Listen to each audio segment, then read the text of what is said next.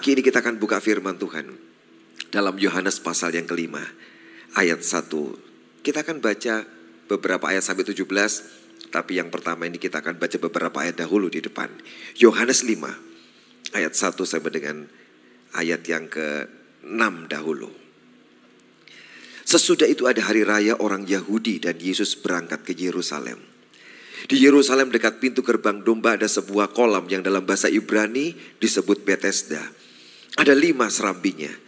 Dan di serambi-serambi itu berbaring sejumlah besar orang sakit, orang-orang buta, orang-orang timpang, dan orang-orang lumpuh yang menantikan goncangan air kolam itu. Sebab sewaktu-waktu turun malaikat Tuhan ke kolam itu dan menggoncangkan air itu. Barang siapa yang terdahulu masuk ke dalamnya, sesudah goncangan air itu menjadi sembuh apa pun juga penyakitnya. Di situ ada seorang yang sudah 38 tahun lamanya sakit. Ketika Yesus melihat orang itu berbaring di situ, dan karena ia tahu bahwa ia telah lama dalam keadaan itu, berkatalah ia kepadanya, "Maukah engkau sembuh?" Hari itu Yesus datang ke Yerusalem, dia jarang datang ke Yerusalem. Hanya dalam tujuan-tujuan tertentu yang penting, dia akan datang ke kota itu, saudara. Sebab orang-orang laki-laki di Israel yang udah usia 12 tahun ke atas, maka mereka wajib datang setahun tiga kali ke Yerusalem. Dalam satu upacara holiday yang mereka punya. Ada upacara Paskah, perayaan Paskah, perayaan Pondok Daun, dan yang ketiga perayaan Pentakosta. Itulah hari-hari di mana mereka harus datang ke Yerusalem. Dan Yesus adalah seorang yang taat juga. Yang dia ketika perayaan itu ada, dia datang di sana.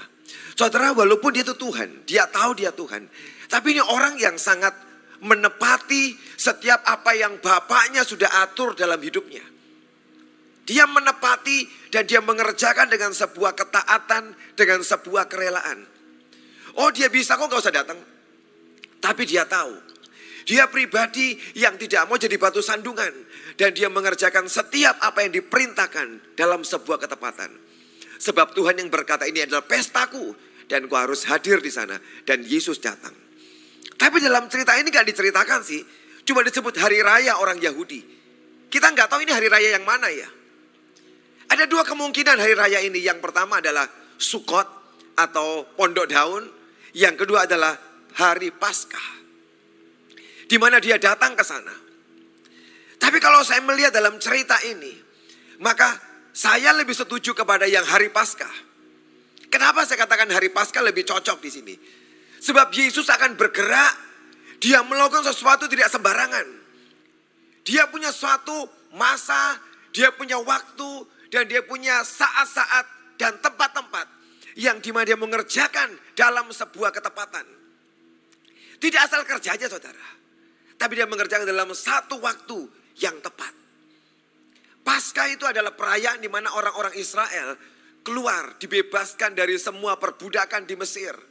Dan mereka berjalan keluar, dilepaskan, dibebaskan.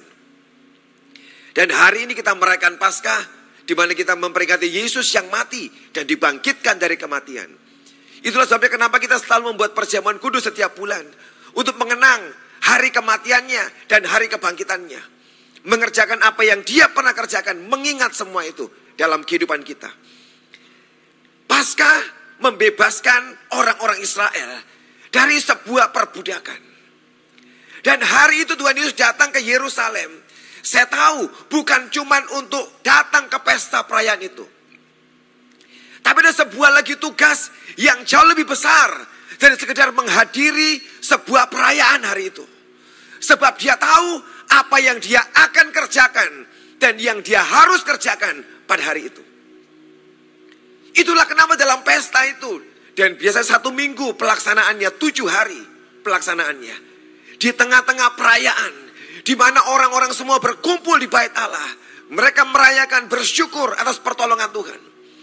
Tiba-tiba pribadi ini yaitu Yesus. Dia menyimpang sedikit keluar dari bait Allah. Dari perayaan di mana orang berfokus ke sana.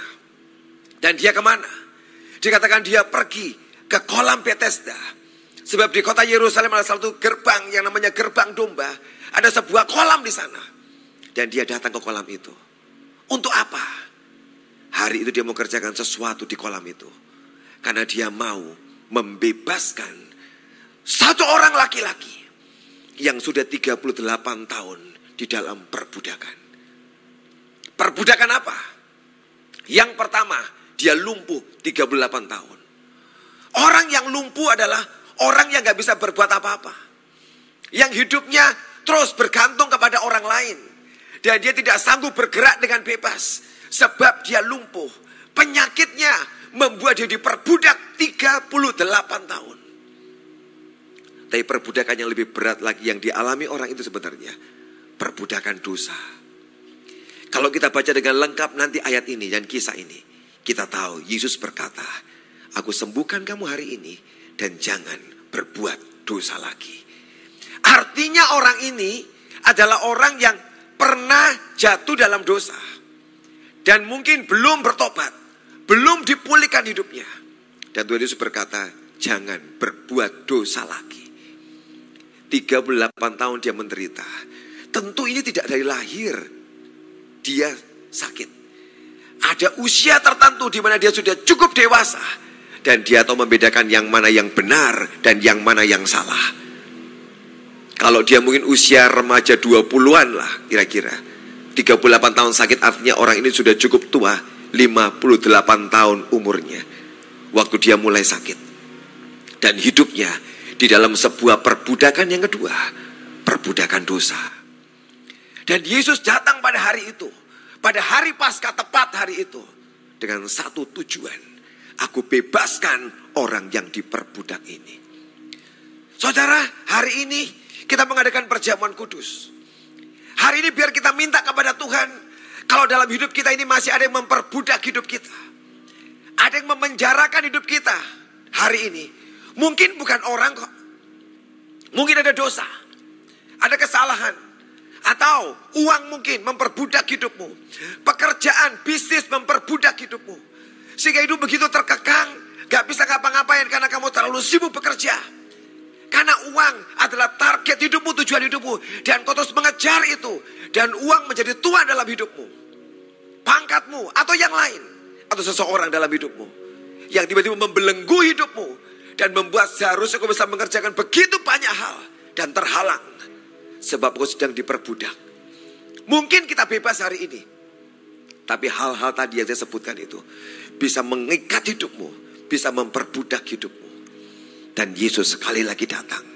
Dia ingin membebaskan kita dari apa pun selama ini yang sedang membelenggu hidup saudara, memperbudak hidupmu. Kadang-kadang kita diperbudak tapi kita nggak sadar kita diperbudak. Tapi biarkan hari ini Tuhan sedang membuka mata rohani kita dan kita melihat pertolongannya dan kita minta pada dia, Tuhan tolong aku dan lepaskan hidupku. Di kolam itu, Bethesda, yang artinya the house of mercy, rumah belas kasihan. The house of mercy, rumah belas kasihan. Dan saya percaya tuannya, masternya, pemimpinnya adalah pribadi yang penuh dengan belas kasihan. Sebab disebut rumah belas kasihan, pemimpinnya yang punya rumah itu Pasti Tuhan yang punya belas kasihan yang besar. Dan Tuhan yang punya belas kasihan itu sedang melihat kepada yang terbelenggu, yang terpenjara, jadi perbudak 38 tahun. The God of mercy, Tuhan yang penuh belas kasihan. Dan dia memang menjelaskan pribadinya bahwa dialah Tuhan yang penuh belas kasihan. Kita buka dalam keluaran 34. Keluaran 34 ayat 6 dan ayat yang ketujuh.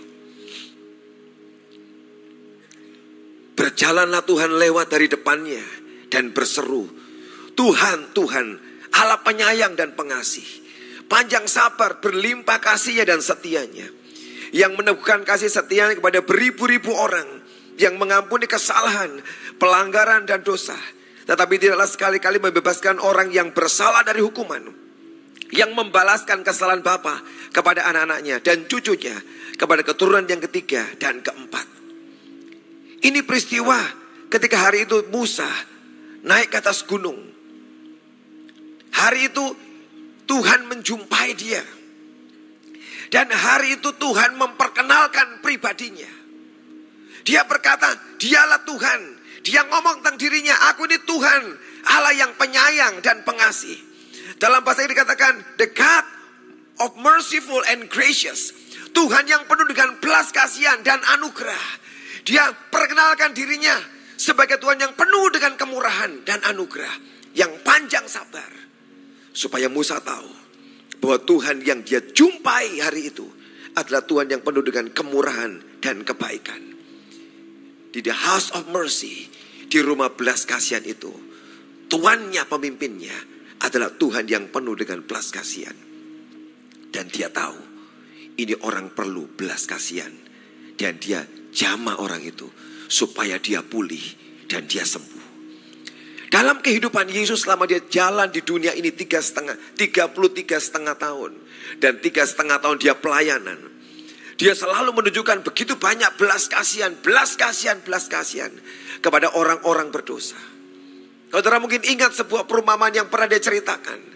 Ketika satu kali ada orang yang dirampok, yang dia naik dari Yeri dari Yerusalem ke Yeriko dia turun ke sana. Di tengah jalan dia dirampok dan hampir mati di sana. Dan Yesus memberikan perumpamaan tentang sebuah belas kasihan. Ketika ada orang yang lewat yang pertama adalah seorang imam di sana. Dia ngelihat orang yang dipukul dan hampir mati setengah mati itu, dia cuma lewatin aja. Yang kedua orang Lewi lewat di jalan yang sama. Dia ngelihat orang ini setengah mati, dibiarin aja. Tapi orang ketiga adalah orang yang Samaria, orang Samaria yang baik. Ketika dia melihat ada orang yang dirampok dan hampir mati. Dia berhenti, dia membebat lukanya, menolong orang itu, bahkan taruh ke penginapan, dikasih uang yang menjaganya. Dan dia berkata, kalau kurang aku akan balik kembali. Dia ngomong dan dia tanya semua. Yang manakah yang sesama manusia? Mereka berkata orang Samaria itu. Betul. Yesus mau ngomong siapa sebenarnya? Dia ngomong tentang pribadinya. Dialah orang Samaria yang baik hati itu. Sebab hari itu semua orang sedang mengecam Yesus. Mengata-ngatain dia. Bahkan mengatakan dia Beelzebul. Tapi hari itu saudara. Tapi hari itu. Dia kasih perumpamaan. Aku ini loh, aku ini loh, aku ini loh. Yang kamu maki selama ini. Kamu kata-katain. Aku punya belas kasihan. Dan aku menolong merawat orang yang mau mati ini. Dia mau bicara. Dia datang ke dunia dengan satu tujuan. Dia tahu untuk merawat semua orang yang setengah mati, yang luka, yang menderita. Dia mau rawat orang itu supaya sembuh dan dipulihkan. Dia Tuhan yang penuh dengan mercy and grace, penuh dengan belas kasihan dan kemurahan. Itulah sebabnya kenapa hari itu dia sengaja menyimpang hari itu dan dia datang ke kolam itu untuk melihat dan menyembuhkan seseorang yang hari itu hidupnya sudah frustasi. Orang lumpuh yang 38 tahun di sana. Hari itu dia sudah berusaha untuk sembuh. Karena di sana, di kolam itu, ada begitu banyak orang kumpul di sana. Dan katanya di tempat itu ada sebuah mujizat.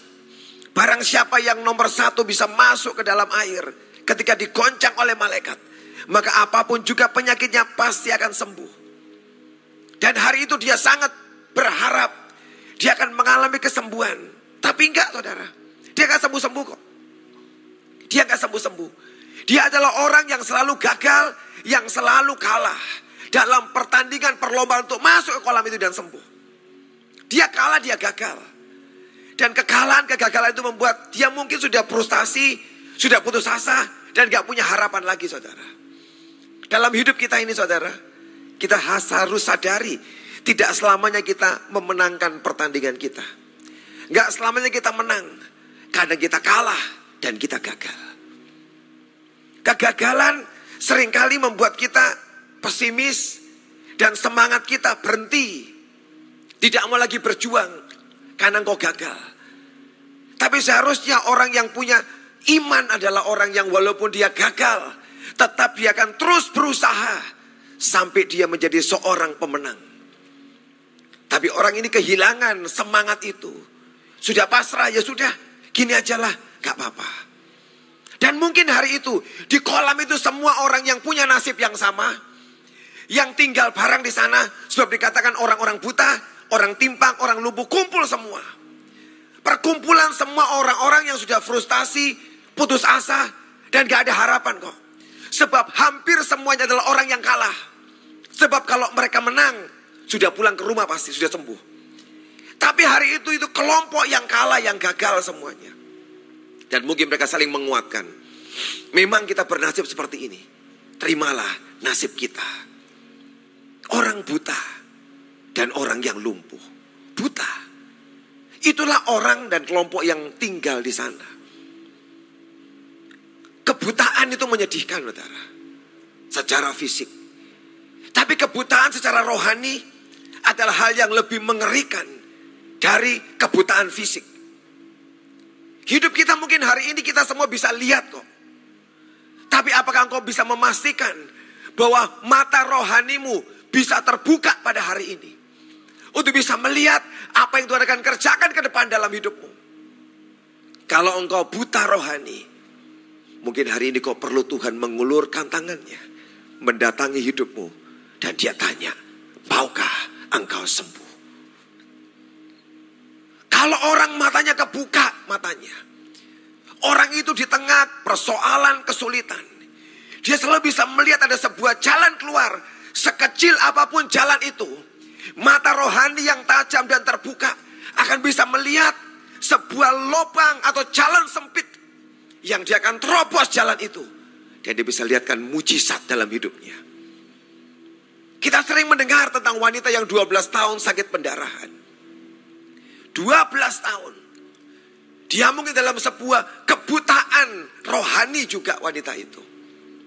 Tapi satu kali dalam sebuah kesempatan yang sangat pendek gak tahu kenapa.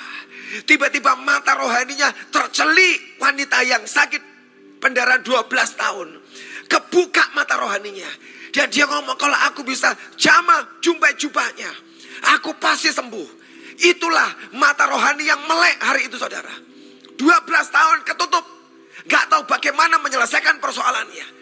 Waktu terbuka hari itu. Dia tahu dan dia tahu. Apa yang dia harus kerjakan. Aku mau pegang jubah-jubahnya. Dan aku pasti sembuh. Dan mata yang terbuka itu mata rohaninya. Yang menuntut dia mendekati Yesus. Dan ketika dia sentuh Tuhan Yesus. Insan dia mendapat mujizat kesembuhannya. Hanya perlu mata yang terbuka. Kalau hari ini pekerjaan bisnismu nutup, kau kerjakan apa pun juga nutup dalam hidupmu. Engkau cuma perlu satu hal, buka mata rohaniku Tuhan. Dan aku melihat celah itu. Dan aku masuk di dalamnya. Dan tiba-tiba dia buka mujizat keajaiban. Minggu ini saya ketemu dengan satu orang yang bukan jemaat HTI dari gereja lain. Yang dia datang ke rumah saya. Ada berkata, Pak, aku mau jadi jemaat HTE mulai minggu depan. Dan dia mau datang ke rumah mengenalkan dirinya. Saya, dat, saya, saya persilakan dia datang. Dan dia cerita. Saya ini pernah usaha untuk saya ini jualan makanan. Tapi gagal. Dia buka rumah makan kecil, dia jualan gagal. Tapi satu kali hatinya terbuka. Dia berkata saya dari Kalimantan pak. Dan saya masih ingat khotbah Pak Petrus Agung sekian tahun yang lalu. Dia cerita bahwa dia itu suka soto. Ketika saya mau buka usaha lagi, saya doa Tuhan, engkau mau aku jualan apa? Dan tiba-tiba firman Tuhan yang sekian tahun yang pernah saya dengar, tiba-tiba muncul. Hambaku suka apa? Soto. Buat itu. Dan ketika kebuka saudara, ketika kebuka itu, dia jualan, dia bilang sudah tiga bulan saya buka pak. Dan dalam tiga bulan ini larisnya bukan main soto saya. Sangat laris. Dan saya akan buka lagi dengan mobil. Saya doakan dia. Kamu akan buka beberapa warung soto lagi. Bukan cuma satu. Dia bilang ketika dibuka itu pak. Saya kerjakan. Itu berhasil loh pak. Saya berhasil. Saudara bayangkan. Dia usaha gagal. Cuma karena satu hal terbuka mata rohaninya dia tembus. Betapa pentingnya mata rohani kita dibuka.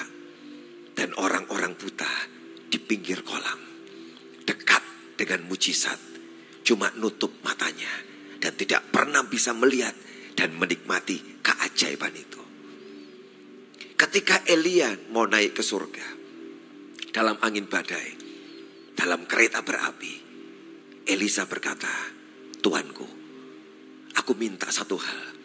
Berikan dua bagian dari rohmu kepadaku. Dan Elia berkata, itu sukar. Kecuali kamu lihat aku diangkat naik.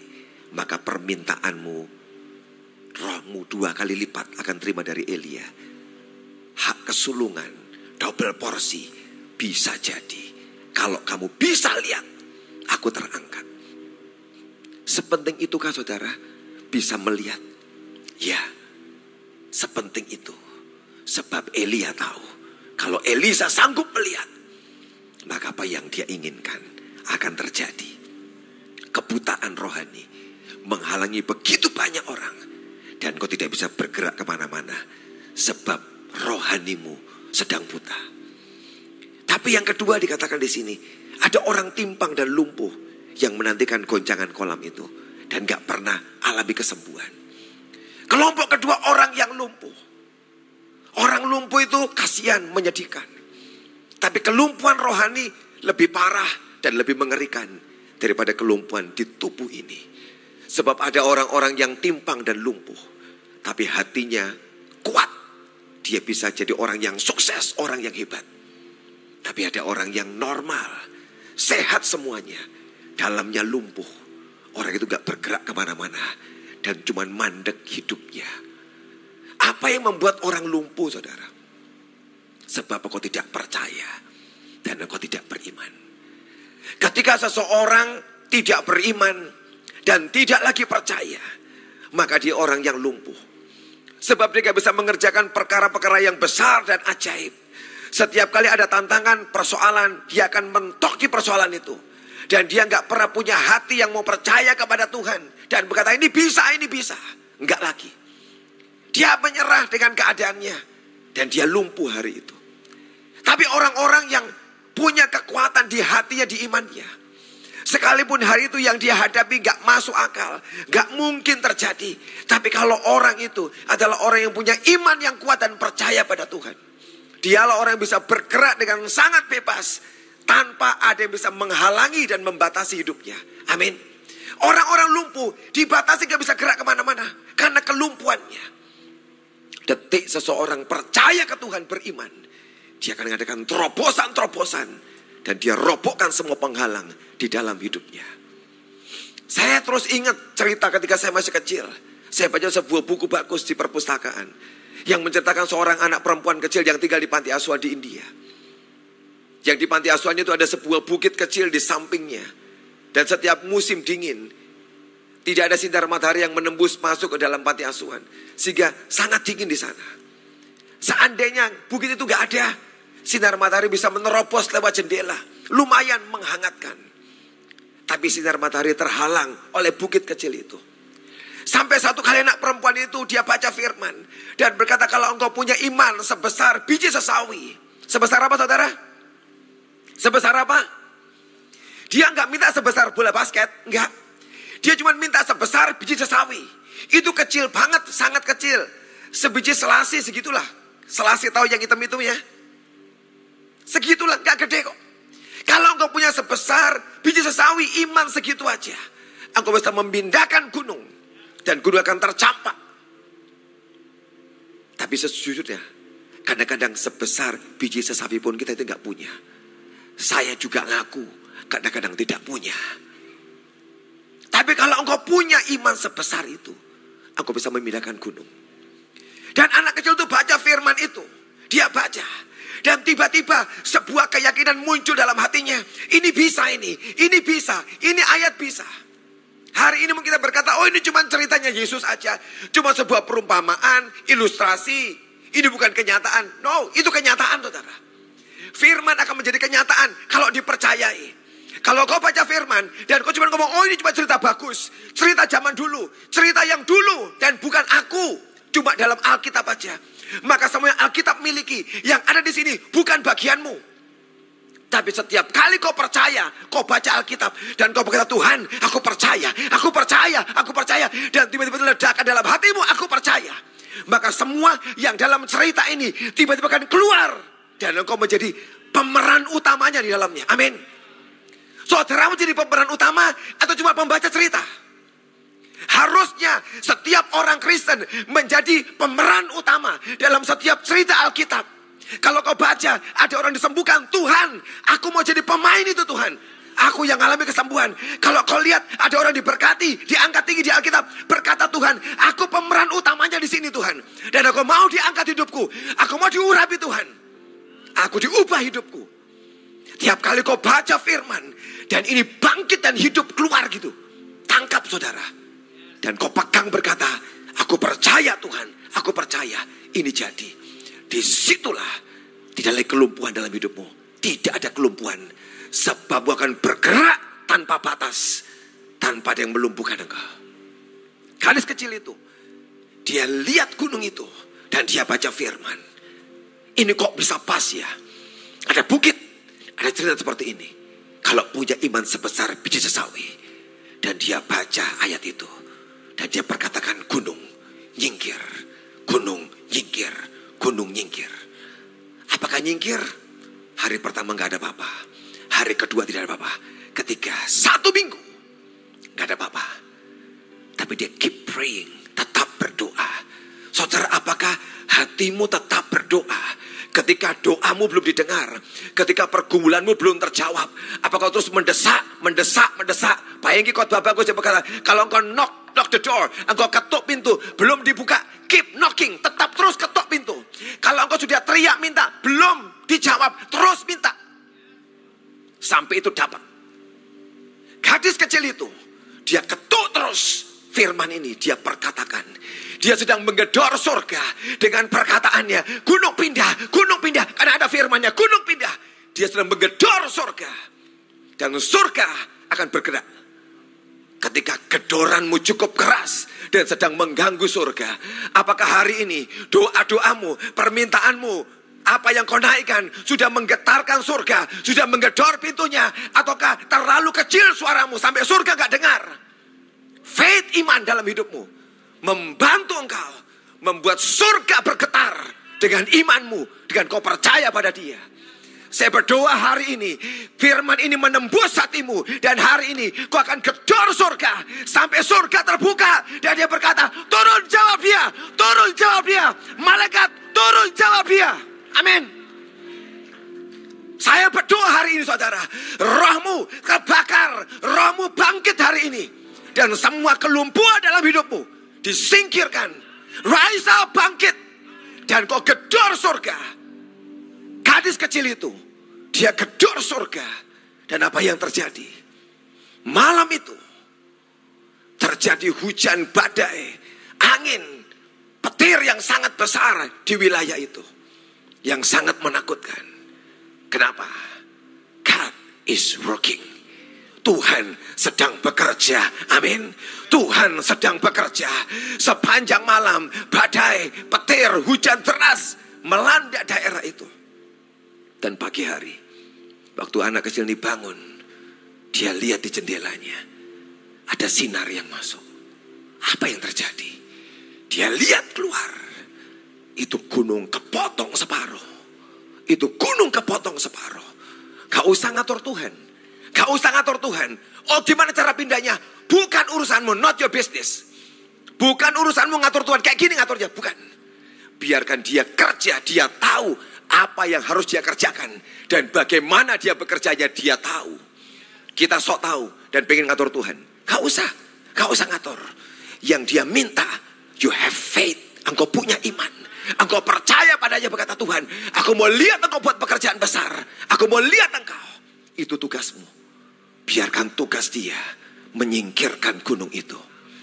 Ada banyak anak-anak Tuhan yang pengen menyingkirkan gunung. Itu bukan urusanmu. Urusanmu punya iman sebesar biji sesawi. Dan biar Tuhan yang mendorong gunung itu nyingkir dari hidupmu. Gak mungkin gunung nyingkir. Tapi dia bisa Sebab dia pencipta alam semesta. Dia berkuasa atas semua ciptaannya. Kelumpuhan kita akan selesai ketika ada orang-orang yang percaya. Dan orang yang berjalan. Dan orang yang berjalan dan melangkah dalam iman. Maka orang itulah yang membuat dia mengalami terobosan di dalam hidupnya. Elisa Kalau engkau bisa lihat aku terangkat, kamu dapat yang kamu minta. Kalau kamu bisa melihat. Tuhan pengen membuka mata kita. Membuat kita percaya padanya. Dan kau akan mengalami terobosan, terobosan yang luar biasa. Efesus 1 ayat 18. Efesus 1 ayat yang ke-18.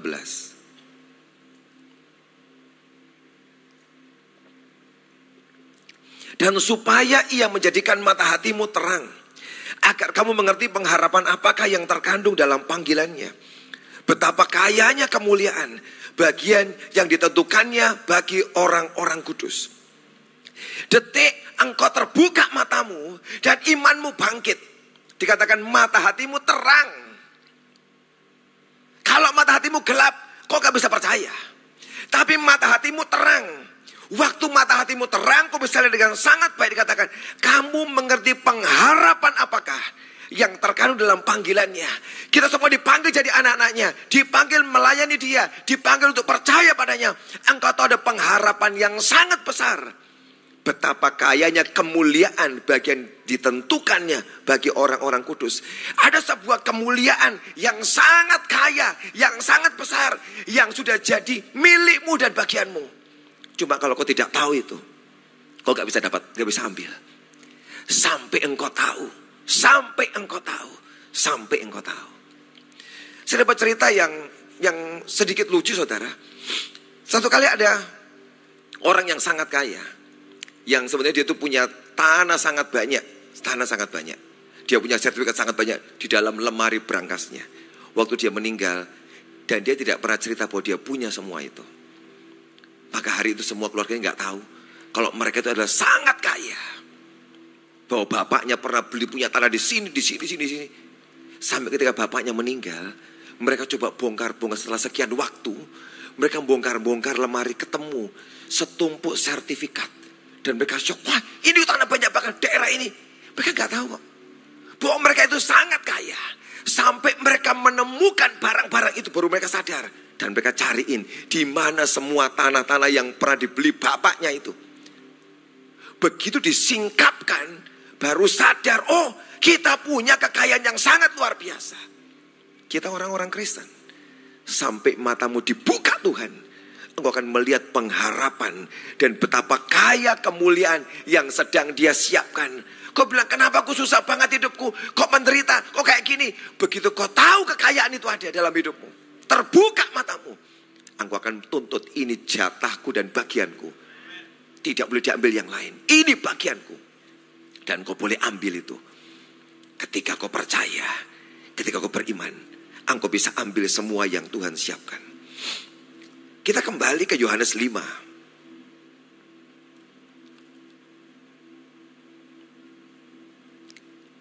Ketika Yesus melihat ayat yang enam, orang itu berbaring di situ dan karena ia tahu bahwa ia telah lama dalam keadaannya itu, berkatalah ia kepadanya, "Maukah engkau sembuh?" Saudara sebenarnya ini pertanyaan yang tidak perlu ditanyakan kok. Mau nggak kamu sembuh? Ya pasti maulah. Sudah 38 tahun sakit. Kenapa ditanya maukah engkau sembuh? Gak usah tanya kok. Langsung aja jawab orang itu. Perintahkan sembuh kamu. Kenapa tanya maukah engkau sembuh? Sebab sebenarnya banyak orang yang dia tidak mau sembuh. Banyak orang yang tidak mau sembuh. Alkitab ceritakan satu kali Petrus pada jam 3 sore waktu sembahyang datang ke bait Allah. Dan dia pengen berdoa. Dan waktu dia masuk ke sana, dia lihat ada seorang yang lumpuh di depan. Yang tiap hari dibawa oleh orang tertentu ditaruh di depan bait Allah.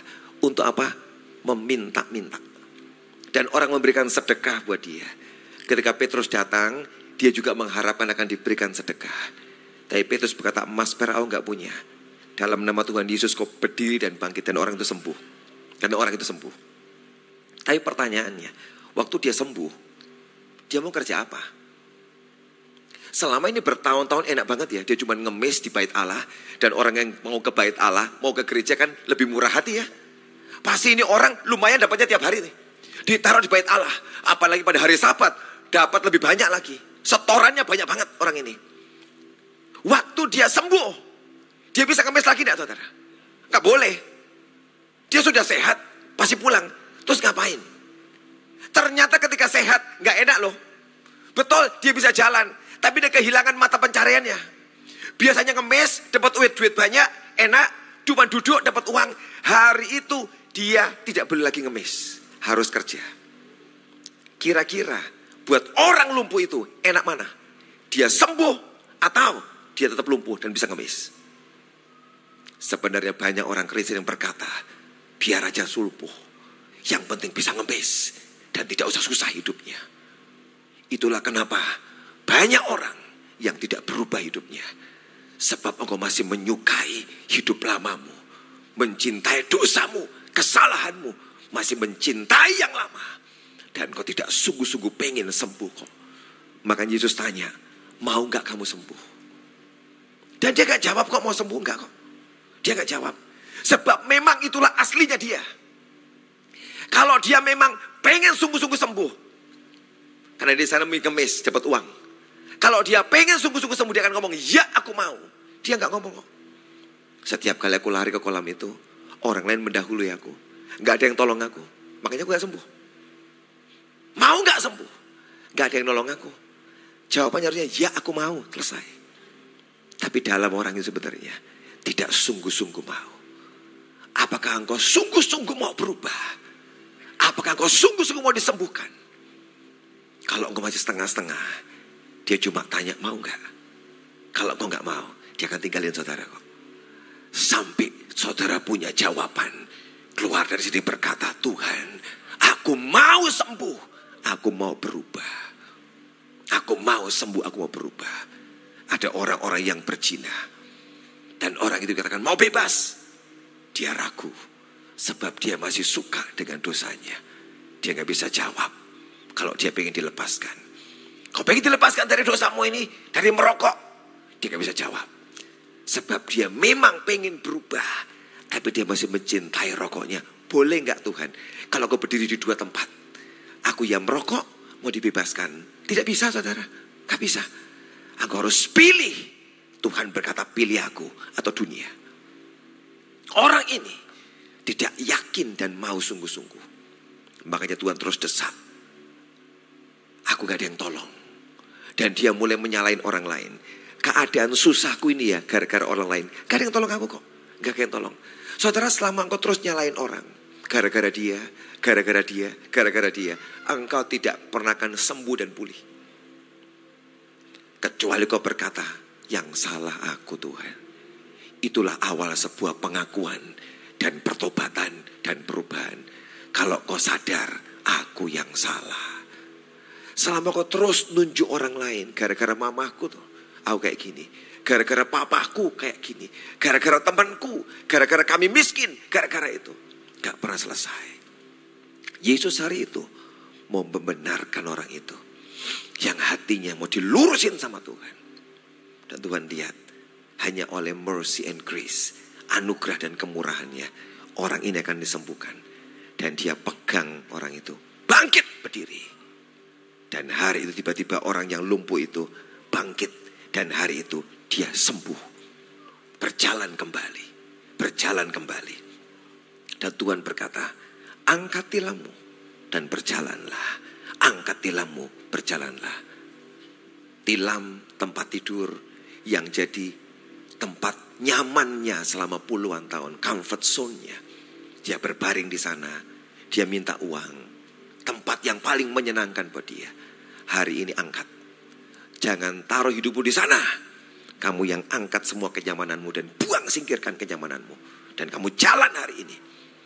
Dia bisa ngomong, Tuhan ini sahabat loh. Ibu kata tetap angkat, angkat. Ketika dia mengangkat tilamnya, dia jalan keluar, semua orang teriak. Ini sahabat, siapa yang suruh angkat tilammu? Dia bilang, yang menyembuhkan aku yang nyuruh. Aku tetap angkat.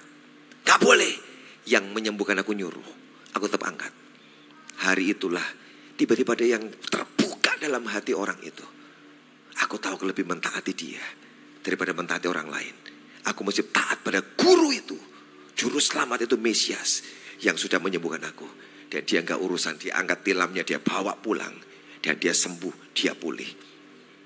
Dan dikatakan, Jangan berbuat dosa lagi. Engkau telah sembuh. Jangan berbuat dosa lagi. Supaya padamu jangan terjadi yang lebih buruk. Itu di ayat 14. Dan hari itu orang itu diubahkan, disentuh hidupnya, dijamah. Dan saya percaya orang itu berubah hidupnya. Yang pertama Tuhan